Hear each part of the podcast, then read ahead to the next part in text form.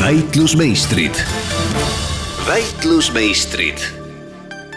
Tere, hea Kuku raadio kuulaja, te kuulete saadet Väitlusmeistrid, mis valmib Eesti Väitlusseltsi ja Postimehe koostöös. mina olen Postimehe väitlustoimetaja Herman Kelomees. Riigikogu korruptsioonivastane komisjon läks suvepuhkusele lubadusega jätkata sügisel lobiregistri teemaga. see tähendab register, kuhu lobistid tuleks kanda selleks, et oleks avalikult teada, kes kelle suunas lobi teeb ja me väitleme täna teemal, mille täpne sõnastus on, kas lobistidele peaks tegema kohustusliku registri, väitlevad Speaksmarti argumenteerimiskoolitaja ning advokaadibüroo Terling Primus jurist Siim Vahtrus, tere! tere! ning Eesti Väitlusseltsi liige Karin Kase, tere! tere! oluline on mainida, et väitlejad ei pruugi esindada siin enda isiklikke seisukohti. ja lobiregistri teemal alustab väitlemist Siim Vahtrus, ole hea! esimene asi, mida sellise huvitava teema puhul, nagu lobiregister endast kujutab, peaks ära otsustama või, või selgeks rääkima omavahel, on see, mida me üldse mõtleme lobitegevuse all või, või lobisti all ja ausalt öeldes Eestis on sellel sõnal päris negatiivne varjund ja, ja pigem kiputakse meil siin võrdsustama lobitööd millegi keelatu ja kuritegelikuga. tegelikult see nii ei ole, et äh, rahvusvaheliselt on tunnustatud päris selline lai definitsioon ähm, korruptsiooni vastu võitlev organisatsioon Transparency International defineerib seda näiteks igasuguse huvigruppide poolse otsese või kaudse suhtlusega Äh, mis on siis avalike teenistujate, poliitiliste otsuse tegijate või nende esindajatega, et mõjutada avalikke otsuseid, mis tähendab, et selle definitsiooni alla Eestis äh, läheksid tegelikult äh, mitte ainult suhtekorraldusfirmad, aga tegelikult ka erinevad erialaliidud, valitsusvälised organisatsioonid, olgu nad siis sotsiaal, keskkonna või teab mis muust valdkonnast, ja tegelikult isegi ka näiteks advokaadibürood, kui nad teinekord oma klientide huve esindavad äh, nüüd otsuse tegijate suunal jah, või noh, avalike suhete inimesed samamoodi, eks ju, et jaa, äh, et, et ühesõnaga, see seltskond on tegelikult äh, väga lai ja see lobitegevuse mõiste on, on võrdlemisi hägune. et, et siin selleks, et seda, et seda nagu argumentatsiooni õigesti, õigesti kalibreerida, oleks, oleks täitsa hea mõte aru saada, et kes need inimesed on, kellest me siis üldse räägime, aga ma arvan, et kõige mõistlikum ongi selle Transparency Internationali definitsiooni juurde siiski jääda, sest noh, see on nagu rahvusvaheliselt tunnustatud selles valdkonnas. Äh, aga jah, et kui, kui jõuda nüüd nagu selle probleemini, et miks me, miks me üldse sellest lobitegevusest räägime, siis äh, ühest küljest on, on lobistamine või siis selline oma huvide tutvustamine võimu esindajatele ja otsustajatele hästi normaalne tegevus, on ju, täiesti mõistetav ongi see, et poliitikud peavadki kohtuma erinevate huvirühmade esindajatega, kuulama nad ära ja siis selle tulemusena tegema kaalutletud otsuse, sest noh, kust nad muidu selle info üldse kätte saavad. pigem vastupidi, jumal hoidku selliste otsuse tegijate eest, kes arvavad, nad ise kõige paremini teavad ja mitte kedagi teist kuulama ei pea. absoluutselt, aga noh, teisest küljest tekitab see muidugi ka üsna keerulisi olukordi, eriti riikides nagu Eesti, mis on väga väikesed, kus inimesed on mitmes rollis, veebruaris näiteks sellel aastal juhtus see, kus Marko Pomerants istus Isamaa fraktsioonis, kuulas, kuidas Välisluureamet ja Riigikantselei rääkisid äh, Huawei'ga seonduvatest ohtudest, ise oli samal ajal tööl äh, suhtekorraldusettevõttes Powerhouse, kus ta esindas äh, Huawei'd, ehk siis tegi, tegi nende eest lobi. et ma ei ole nüüd päris kindel, kas see lobiregister meid just päris selliste situatsioonide eest kaitseks, aga, aga igal juhul noh, ühesõnaga, et, et see teema, miks me sellest üldse räägime, on see, et inimestel on väga väga mitu mütsi ja väga hea oleks teha selgeks, et äh, kes siis keda mis rollis esindab. Jah, ja üks äh, oluline asi, mida kindlasti peaks selle teema lahkamisel, ma arvan, üleüldiselt avalikus debatis rohkem täpsustama, on see, et äh, mis sorti registrist me räägime, see tähendab peamine küsimus, mis vajaks otsustamist ja sellest räägime hiljem natukene lähemalt, on see, et kes peaks seda registrit andmetega täitma, kas need peaksid olema need inimesed, kes tegelevad lobiga, ehk siis needsamad suhtekorraldusfirmad ja vabaühendused näiteks, või peaksid seda täitma hoopiski otsuse tegijad, poliitikud ja kõrgemad ametnikud loogiline oleks see, et see otsustamine vist on hetkel Justiitsministeeriumi õuel peal, kes juba kaheksa aastat ja üle viie justiitsministri on, on üritanud seda, seda asja välja mõelda, et, et seda juttu, et võiks olla selline register, on Eestis olnud ju üsna pikalt, aga aga praegu ka vahe, vist valmistatakse mingit juhist jälle ette. jah aga kui me nüüd argumentatsioonini jõuame, et siis kõige tugevam argument lobiregistri poolt on kahtlemata see, et see annab selguse, et kes kelle huvide eest seisab. nagu ma juba rääkisin, siis Eestis inimestel on üsna mitu rolli, nad vahetavad tihtipeale ameteid korruptsioonivaba Eesti hinnangul on meil professionaalseid lobiste, kes nii-öelda selle eest siis palka saavad umbes kakskümmend, kolmkümmend, aga tegelikult on eraldi huvikaitsega tegelevaid inimesi kokku mõnisada. et selle teema kõige aktiivsem eestvedaja on Eestis olnud Siim Kallas, kes äh, Brüsselis siis sarnase euroregistri kaks tuhat kaksteist valmis sai ja tema on öelnud, et on huvi, äh, on oluline, et huvirühma ja otsustaja vaheline suhe ja selle taust oleks avalikkusele teada ja huvi selle vastu peaks olema mõlemapoolne. et noh, Kallas tõi Brüsseli ajast muidugi väga väga toredaid näiteid sellest, kuidas, äh, kuidas ühel hetkel said kõik teada, et äh, milline ettevõte siis tegelikult Gazpromi esindas või et äh, üks väga lugupeetud keskkonnakaitseorganisatsioon, hiljem selgus, et teda rahastab üks suuremat sorti keemia- ja farmaatsiakontsern. et, et ütleme, selliste seoste teadmine kindlasti, kindlasti on, on kasulik, kui avalikkus seda teab ja kui poliitikud seda mm -hmm. teavad. no kindlasti kiuslikum kuulaja siinkohal juba mõtleb oma peas, et noh, igasuguseid asju asju on tore teada, tore on teada, mis värvi aluspesu mu naaber kannab, aga aga mis sellest muutub, et et noh, iseenesest võiks ju küsida, et heakene küll, üks suhtekorraldusfirma näiteks esindab Gazpromi või üks keskkonnaorganisatsioon saab tuuleenergia lobistide käest suuri toetusi, et mida see muutma peaks, kas siis näiteks Gazpromi või, või siis toodud näites selle keemiakontserni huvid ei olegi legitiimsed, kas nemad ei saagi, kas nemad ei omagi õigust oma arvamust poliitikuteni viia? kindlasti mitte seda, et, et nüüd me selle registri kehtestamisega kuidagi lobitegevuse üldse ära keelaksime, aga ma arvan, et üks suur väärtus on see, et poliitikud saavad oma äh, ütleme siis oma mõtlemist, oma aju kalibreerida seoses sellega, kui nad teavad, kes millest täpsemalt, äh, kes kelle huvide eest seisab, ehk siis, et kui sulle helistab üks inimene, noh näiteks mõne advokaadibüroo esindaja, siis sa tegelikult üsna kiiresti saad aru, kas ta mm -hmm. esindab enda või siis kellegi teise huve ja suudad siis tema juttu võtta vastavalt kas väikese, väikese terasoolaga või, või siis tõe pähe mm. -hmm. muidugi üks küsimus, millele ma arvan, et me ei pea siinkohal vastust andma äh,, on, seondub jälle Eesti väiksusega, et noh, ma kindlasti usun, et, et Brüssel, Brüsseli maailm on piisavalt suur, et seal kindlasti ongi see väga raske aru saada, kes parasjagu kelle huvi eest seisab.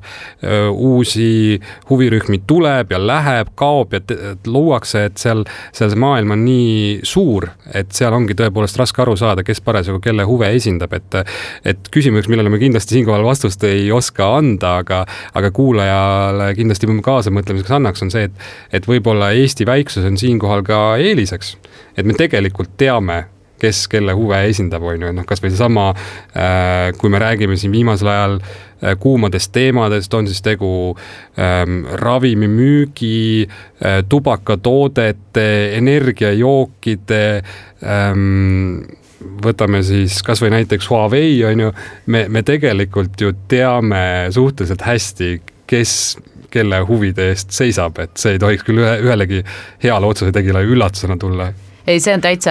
täitsa jah, Eesti puhul muidugi haruldane võrreldes võib-olla suuremate riikide ja, ja eriti just Euroopa Liidu suuruste rahvusvaheliste organisatsioonidega, et Eestis üldiselt ju tegelikult ikkagi kõik teavad, kes kellega saunas käib, kes kellega seal millestki räägib, kroonika kirjutab, kõigil on, kõigil on suhteliselt teada, et kuidas need suhteliinid jooksevad, aga jah, ma arvan, et see on nii õnn kui õnnetus korraga. absoluutselt. me tuleme tagasi pärast lühikest pausi. väitlusmeistrid väitlusmeistrid. jätkub saade Väitlusmeistrid, me väitleme lobiregistri üle koos Eesti Väitlusseltsi liikmete Siim Vahtruse ja Karin Kasega. Ja jätkab Siim üks äh, võib-olla suuremaid vastuargumente sellisele registrile, eriti kui ta on äh, kõikehõlmav ja kohustuslik, on sellega kaasnev halduskoormus ja paratamatult see halduskoormus kaasneb äh, üht või teistpidi. kui panna kohustus kohtumistest infot talletada poliitikutele ja, ja kõrgematele ametnikele, siis võtab see ära nende või nende abiliste aja kui panna see kohustus lobitöö tegijatele ehk siis suhtekorraldusfirmadele, siis on vaja selle üle järelevalvet teha no võib-olla võiks olla kuskil ikkagi üks keskne organisatsioon, kes, kes seda mingil määral korraldab, et, et noh, niimoodi ei saa ju olla, et et sina pead minema ja ise kuhugi Google Docsi sisestama nüüd oma, oma mingisuguse info selle kohta, kui sa kavatsed kellelegi helistada, et pigem see register ikkagi peaks olema mingi natukene nagu strateegilisem ja pikaajalisem asi, aga aga noh, ma iseenesest ütleks, et halduskoormus kui selline ei ole nüüd muidugi mingisugune argument, et ega riigi ülalpidamine on ka ilgelt tüütu haldusko-, halduskoormus, politsei, karistusregister, kõik teised asjad on, on väga suure halduskoormusega, mis ei tähenda, et me peaksime sellepärast siis loobuma nendest asjadest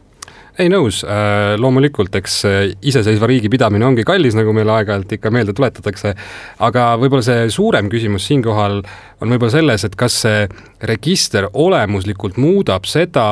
kui hästi üks või teine huvi saab äh, poliitikute ja teiste otsuse tegijate juures esindatud, et paratamatult ma kardan, et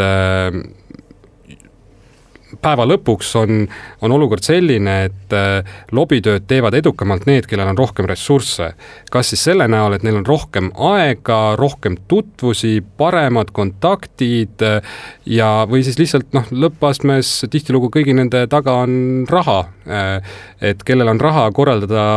kultuurikatlas suur üritus ja kutsuda sinna kõik tähtsad inimesed kohale, nii nagu siin üks tuntud suhtekorraldusfirma äsja tegi, Äh, noh, see paratamatult saab siis parema juurdepääsu ja kui sa oled äh, väike MTÜ, kes seisab puuetega laste vanemate eest, siis sinu juurdepääs ongi piiratum. Absoluutselt nõus, et ega see noh, kui sa nüüd küsid, et kas selle registri olemasolu muudaks kuidagi poliitikute otsuseid või, või otsustusprotsesse, siis ma arvan, et mitte eriti ausalt öeldes jah, et, et aga pigem, pigem ta annaks nagu sellise äh, teatava läbipaistvuse, aga ma arvan, et tegelikult ka lobistidel endal võiks olla, olla huvi äh, selle vastu, et, et nende tegevus oleks avalik ja noh, nii-öelda siis ka avalikkuse silmis seadustatud, sest äh, nagu me siin ka alguses rääkisime, siis äh, iseenesest ju kellegi huvide esindamine otsustajate ees on väga mõistlik ja vajalik tegevus, aga paraku, nagu sa ise ka ütlesid, siis lobil on Eestis selline natukene halb maik mann, et, et seda on väga lihtne ajada sassi erinevate hämarate tegevustega, siin kas või meenutades EKRE liiget, endist liiget, vabandust, Endel Oja, kes käis telemaja ideekonkursiga seoses nõustamas ühte arhitektuuribürood ja siis pärast küsis neilt selle eest kümme tuhat eurot nõustamistasu, tema nimetas seda ka lobiks muidugi. no see muidugi on tegelikkuses mõjuvõimuga kauplemine ja eraldi koosseis, aga no just, aga, aga seda ma tahangi öelda, et see, kui meil on üks register, kus need inimesed on kirjas, siis see joonistab joonistub väga selge joone selle vahel, et kes nüüd päriselt tegeleb lobiga ja kes läheb mingil hetkel pakkuma mingisugust teenust äh, mingisuguse natukene kahtlasema seisuga, et, et lobistide enda huvides võiks olla tõesti see, et see tegevus on avalikkusele mõistetav ja aktsepteeritav, see hoiab puhtana ka lobitegijate maine, mis on tegelikult selle tegevusega tegelemise nagu vaieldamatu eeldus, et äh, kui sa, kui sa ikkagi usalduse või näo kaotad selles valdkonnas, siis sul ei ole enam, enam väga palju lootust. näiteks Ott Lumi praktikuna on samamoodi samamoodi võtnud, äh, võtnud selle registri toetuseks sõna ja, ja öelnud, et äh, ta arvab, et mõistlik regulatsioon oleks kahtlemata kõikide päevavalgel tegutsevate normaalsete nõustajate ühishuvi ja ma arvan, et äh, üldse tahtmata kahtluse alla seada seda siirust, millega Ott Lumi seda arvas, äh, võib-olla küünilisem viis sedasama asja käsitleda, et et miks äh, võiks olla see kasulik lobitöö tegijatele, eriti just professionaalsetele suhtekorraldajatele, kui oleks teada, et kes kui palju ja kelle juures rääkimas käib, on see, et ma natukene kardan, et et niisuguses professionaalse lobi tegemise maailmas see võib kiiresti viia võidurelvastumiseni. selles mõttes, et, et kui tänasel päeval kõik mõistatavad või noh, vihjetest üritavad aru saada, et kas mu konkurent on juba käinud selle võtmetähtsusega poliitiku juures ja ja mis ta talle rääkinud on ja kui palju ta talle rääkinud on, et kui see, kui need andmed saavad äh, avalikuks ja hakatakse nägema, kui palju aega ja ressurssi tegelikult üks, ühes või teises valdkonnas üks või teine ettevõte paneb lobitegevuse alla, siis hakkavad konkurendid tegema sama, et see minu meelest on just natukene see, mis äh, Brüsselis äh, toimub ja, ja samamoodi ka Washingtonis, nii Brüsselis kui Washingtonis, USA-s ja Euroopa Liidus, mõlemas on olemas äh, suhteliselt normaalselt toimivad lobiregistrid. Ja see, ma julgeks öelda, et kindlasti äh, ei ole vähendanud lobitegevuse hulka, siin muidu kindlasti arutelu koht on, et kas lobitegevuse tõus ajal, mil lobitegevuse register on loodud, et kas siin on lihtsalt juhuslik kokkulangevus või on siin tõesti põhjus-tagajärg seos, et ega ma ei ürita väita, et siin on mingisugune selge põhjus-tagajärg seos, aga aga ega see lobitegevust vähendama tingima, tingimata ei pea see, kui see nähtav on. sinu jutus oli nüüd äh, üks eeldus sellest, et äh, see register tähendab seda, et see kalender on nüüd kohe kõigile avalik, on ju, et et kui lobist nimega A läheb poliitiku või äh, avaliku võimu esindaja B juurde, et siis justkui kuskil on mingisugune kalender, kus kõik need kohtumised kirjas on, et see ei pruugi muidugi ilmtingimata nii olla, et see toobki meid tagasi sellesama saate alguses küsitud küsimuse juurde, et, et oluline oleks selleks aru saada, millises mahus äh, see register nagu kaasab, äh, kas nimesid, kas äh, kohtumisi, et, et selles mõttes, kui sul on lihtsalt üks nimekiri inimestest, siis ega see ei tähenda, et automaatselt kõikide poliitikute kalendrid sellepärast avalikuks saavad nojah, see, siin on, ma arvan, et see ongi see koht, kus on hästi äh, raske leida seda tasakaalu ja see, siinkohal tõesti äh, tervitused Justiitsministeeriumisse ei kadesta teie tööd, et äh,, et leida see tasakaal, sellepärast et ühelt poolt, kui me tahame maksimaalset läbipaistvust ja otsuste tausta mõistmist saavutada, siis mida rohkem andmeid, seda parem, mida detailsemalt ja mida, mida avalikumalt äh, kättesaadavad, seda paremad noh, teistpidi jälle loomulikult on ju, et, et seal äh, tekib see küsimus, et mida rohkem andmeid kätte saada on, seda rohkem on jah, kõik need negatiivsed asjad ka kaasa tulema, nii halduskoormus kui ka see võidurelvastumine absoluutselt, äh, aga kui me nüüd räägime järgmisest huvigrupist, kelle, kelle huvides võiks selle registri tegemine olla, siis need on otsustajad ise. et äh, alates poliitikutest, äh, lõpetades kõikvõimalike noh, ma ei tea, riigi esindajate, kõrgete riigiametnikega, et neile on väga oluline ju teada, kes talle millest räägib, et ta saaks oma otsust kalibreerida adekvaatselt et poliitikute huvides on see, et avalikkus ei saaks neid süüdistada mingites kahtlastes kohtumistes, et riigiametnikke ei saaks süüdistada selles, et nad on kuidagi mõjutatud või et otsuste tagamaad on hämarad. pigem vastupidi, et poliitikud, kõrged riigiametnikud, kõik saavad olla läbipaistvad ja, ja seda enam veel viidata avalikule infole ja öelda, et näete, ma olen kohtunud järgmiste ja järgmiste huvigruppidega, ma olen kuulanud ära avaliku sektori esindajad, erasektori esindajad, kõik on käinud minu juures ja ma olen nendega arutanud, et tegelikult tegelikult poliitikutele või otsustajatele laiemalt on, on see kindlasti kasulik, kui see register on, on avalik? Jah, ma arvan, et ega poliitikutele sellest väga palju viga ei saa tekkida, et noh, muidugi eks ta lõpuks on poliitilise kultuuri küsimus, et kui ma mäletan eh,, ei ole väga palju aega möödas sellest, kui käis eh, suur tants, tants ja trall selle ümber, et eh, kas Riigikogu komisjonide istungid eh, kas nende, kas neid peaks heli salvestama ja, ja milliseid protokolle peaks nendest istungitest tegema, et et paratamatult ma arvan, äh, ka poliitikutel tuleb kuskilt maalt tuleb piir ette, kui palju infot ja millise detailsusastmega nad on valmis jagama avalikult selliste kohtumiste kohta. aga mis sa arvad, kas äh, kuskil on ikkagi olemas ilmselt ka inimesed, kelle huvides on väga sügavalt see, et selline register ei oleks avalik või et need, et need vestlused säiliksidki kuluaaride taga? no kindlasti on, kahjuks me vist ainult ei tea neist, sellepärast et need on nii hästi varjatud, et äh, ajakirjandusse need ei leki. me tuleme tagasi kohe pärast pooltunni uudiseid. väitlusmeistrid, väitlusmeistrid. Tere tulemast tagasi kuulama saadet Väitlusmeistrid. väitlevad täna Speaksmarti argumenteerimiskoolitaja ja advokaadibüroo Terling Primus jurist Siim Vahtrus ja pikaaegne väitlustreener ning Eesti Väitlusseltsi liige Karin Kase. teemal, kas lobistidele peaks tegema kohustusliku registri, jätkab väitlemist Siim, ole hea kui me enne uudistepausi rääkisime sellest, et äh, sellise registri loomine võiks olla just nimelt poliitikute ja otsusetegijate endi huvides, siis ma julgeks siinkohal arvata, et võib-olla kõige rohkem võiks olla poliitikute ja otsusetegijate huvides just nimelt vabatahtliku registri loomine, isegi rohkem kui kohustusliku. miks ma, miks ma nii arvan, on eelkõige sellepärast, et äh, igasugune vabatahtlik süsteem äh,, sertifikaat, olgu see siis ökomärgis või äh, mina olen selle registriga liitunud, tegelikult annab võimaluse teistest konkurentidest eristuda ehk siis, et äh, põhimõtteliselt on ju vaevalt me leiame Eestimaa pealt poliitikut, kes ütleb, et mina olen korrumpeerunud, mina tahangi hämaraid ärihuve esindada, palun tulge minu juurde, uks on valla. aga põhimõtteliselt äh, ja pigem vastupidi, kõik väidavad, et me oleme puhtad kui prillikivi, kui mitte veel puhtamad ja see, selleks, et see ei jääks pelgalt sõnadeks, võiks see register olla tegelikult väga hea vahend. et äh, kui sa tõepoolest oled nii puhas ja läbipaistev, aga palun, liitu registriga, pane kirja oma kohtumised ja sellisel juhul muidugi vabatahtlikkus võiks olla selline nii-öelda liitumise vabatahtlikkus, mitte osalemise vabatahtlikkus, ehk siis, et äh, kui sa juba korra oled vabatahtlikus korras otsustanud liituda selle registriga, siis sealt edasi peaksid sa siiski kõik oma kohtumised kenasti kirja panema no selle hea näide on ka äh, seesama Brüsseli äh, äh, register, kus, millega liitumine on vabatahtlik ja ometigi on seal juba kaksteist tuhat nime, mis näitab, et on olemas ettevõtteid ja inimesi, kes, kes täiesti vabatahtlikult ennast, ennast ka üles annavad aga kui me nüüd vaatame korraks ka seda rubriiki, et kuidas asjad siis päriselt maailmas on, siis seda teemat on isegi uuritud. kahe tuhande kuueteistkümnendal aastal TTÜ-s kirjutas Anni Jatsa sellel teemal magistritöö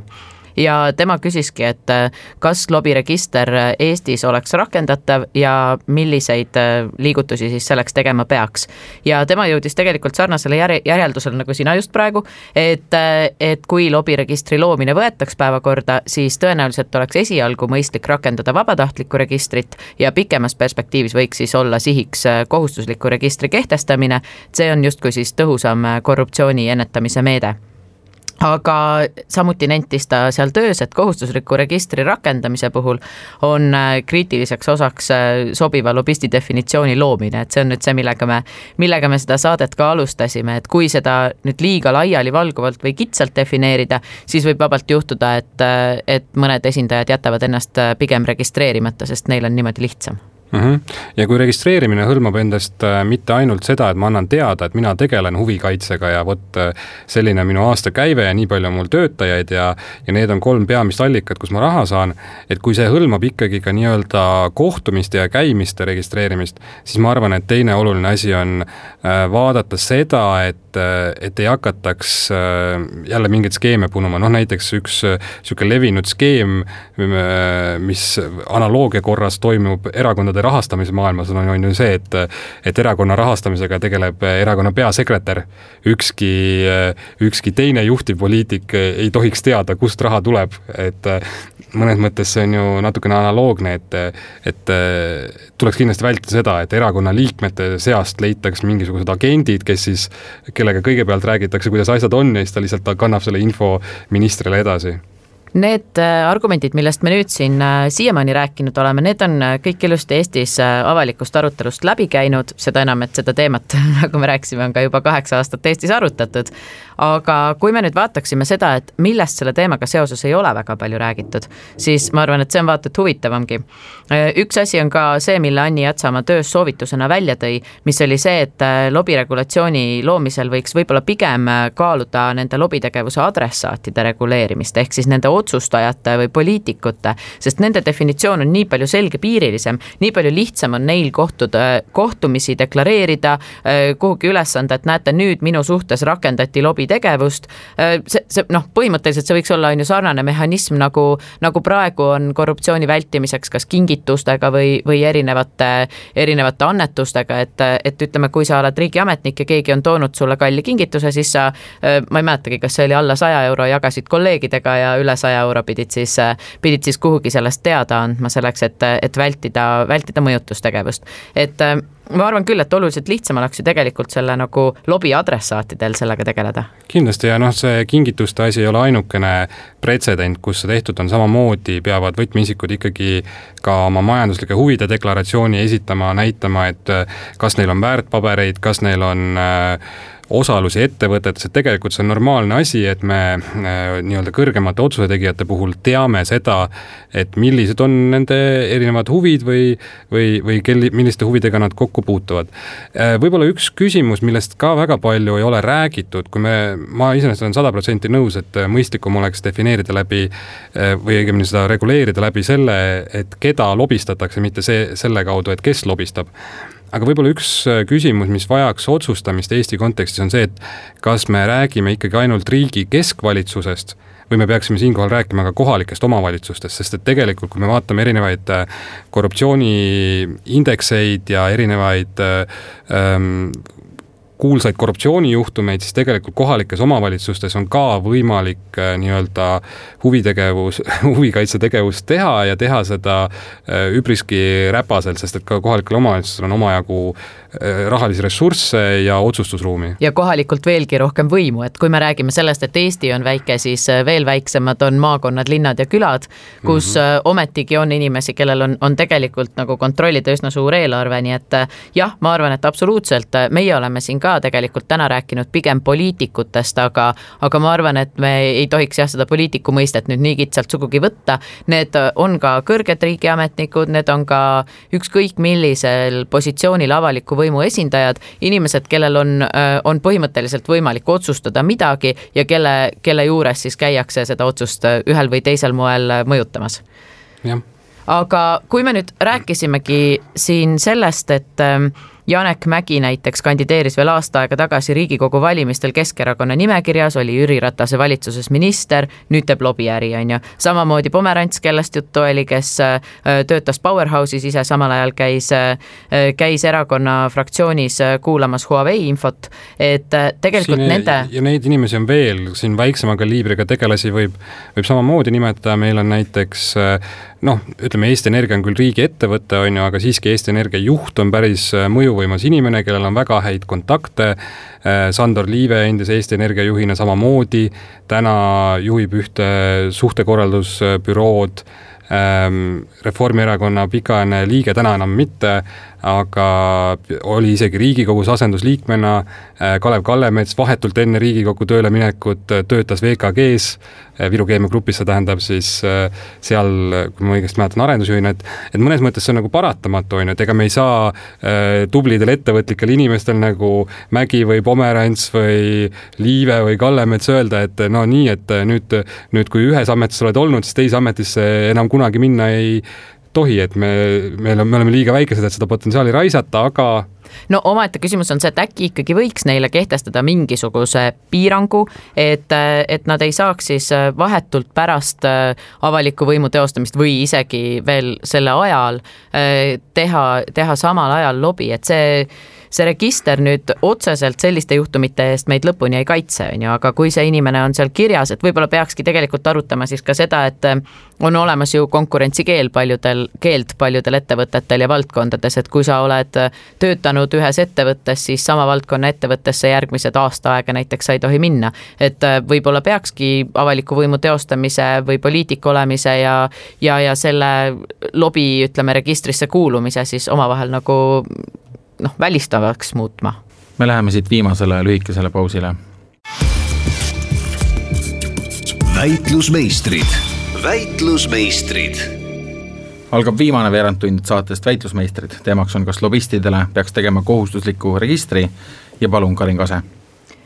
me jäime aruteluga nüüd pooleli sinna, et äh, kas peaks olema mingi viis tagada, et äh, poliitikud ja kõrged riigiametnikud, ehk siis inimesed, kellel on võimalik otsustada erinevate seadusloome ja muude protsesside üle, et nemad ei oleks siis samal ajal äh, juhtumisi mõne ettevõtte või, või mõne muu suuna huvides mm. -hmm. ja kindlasti sinu poolt välja pakutud nii-öelda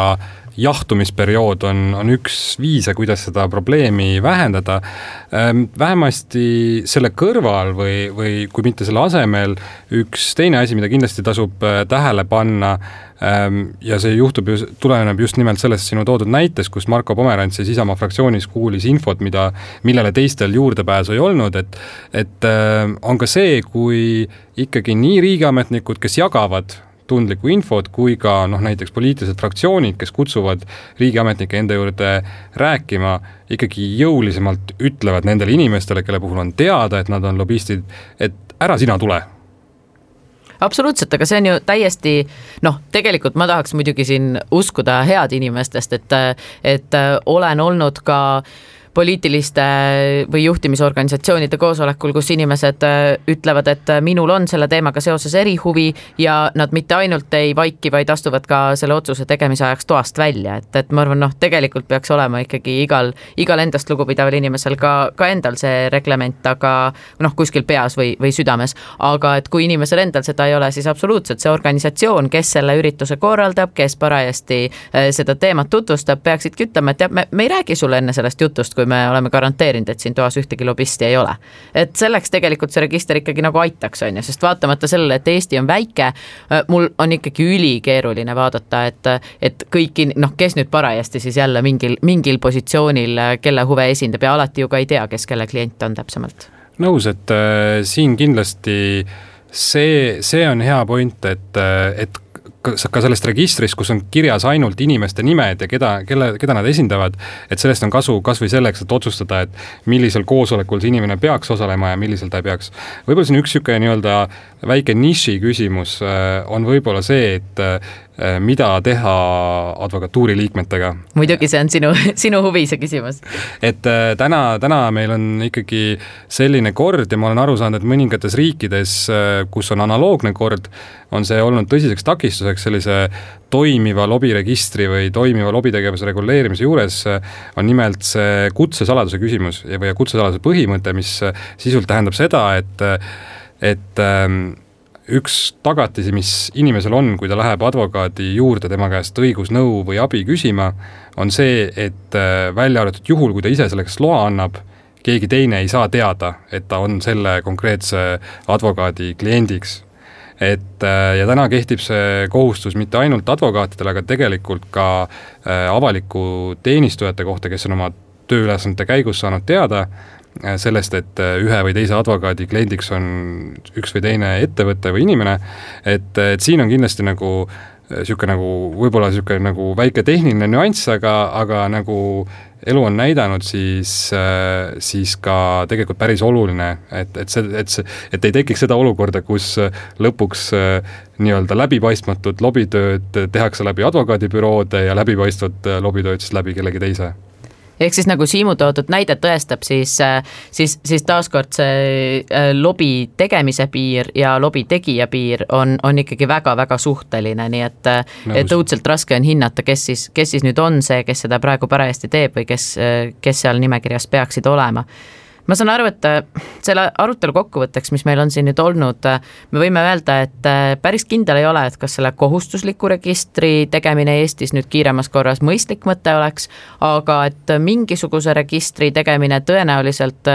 ikkagi, ikkagi on päevakorras, sellepärast et kui vaadata kas või kui palju erinevad rahvusvahelised organisatsioonid Eestit praegu survestavad, Euroopa Nõukogu korruptsioonivastaste riikide ühendus Greco on öelnud, et Eestis peaks tõsisemalt tegelema lobitöö teemaga, teemaga. korruptsioonivaba Eesti räägib juba aastaid sellest, et me peaksime selle teema korda saama. Euroopa Liidu tasandil on lobitöö väga suures osas reguleeritud, kuus riiki on selle kohustuslikuks teinud, paljud teised on selle teinud vabatahtlikult. et ühesõnaga, ma arvan, et oleks aeg, et Eesti tegelikult oleks ka nende, nende riikide nimekirjas, kus, kus lobitöö on võib-olla siis mitte kohustuslikus korras, aga, aga vähemalt vabatahtlikus korras kuskil nimekirjas ikkagi kirjas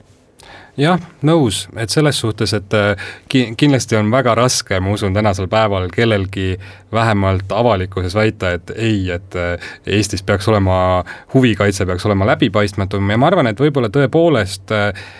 tulles veel kord tagasi selle juurde, mida me päris alguses rääkisime, lobitöö iseenesest või nii-öelda huvide esindamine otsuse tegijate juures ei ole absoluutselt midagi häbiväärset või, või vale, vastupidi, see on normaalne osa demokraatlikust äh, asjaajamisest ja, ja nii-öelda aru, noh, mõistlikust riigijuhtimisest, sellepärast et et kust mujalt siis peaksid poliitikud saama infot äh, erinevate huvirühmade vajaduste kohta, kui mitte huvirühmadelt enditelt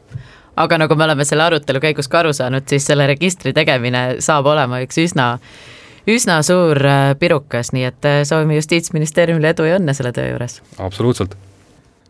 aitäh, head väitlejad, hea Kuku raadio kuulaja, te kuulasite saadet Väitlusmeistrid teemal, kas lobistidele peaks tegema kohustusliku registri väitlesid täna Speaksmarti argumenteerimiskoolitaja ja advokaadibüroo Terling Primus jurist Siim Vahtrus ning pikaaegne väitlustreener ja Eesti Väitlusseltsi liige Karin Kase. mina olen Postimehe väitlustoimetaja Herman Kelomees, väitlusmeistrid taas järgmisel esmaspäeval kell üks. väitlusmeistrid, väitlusmeistrid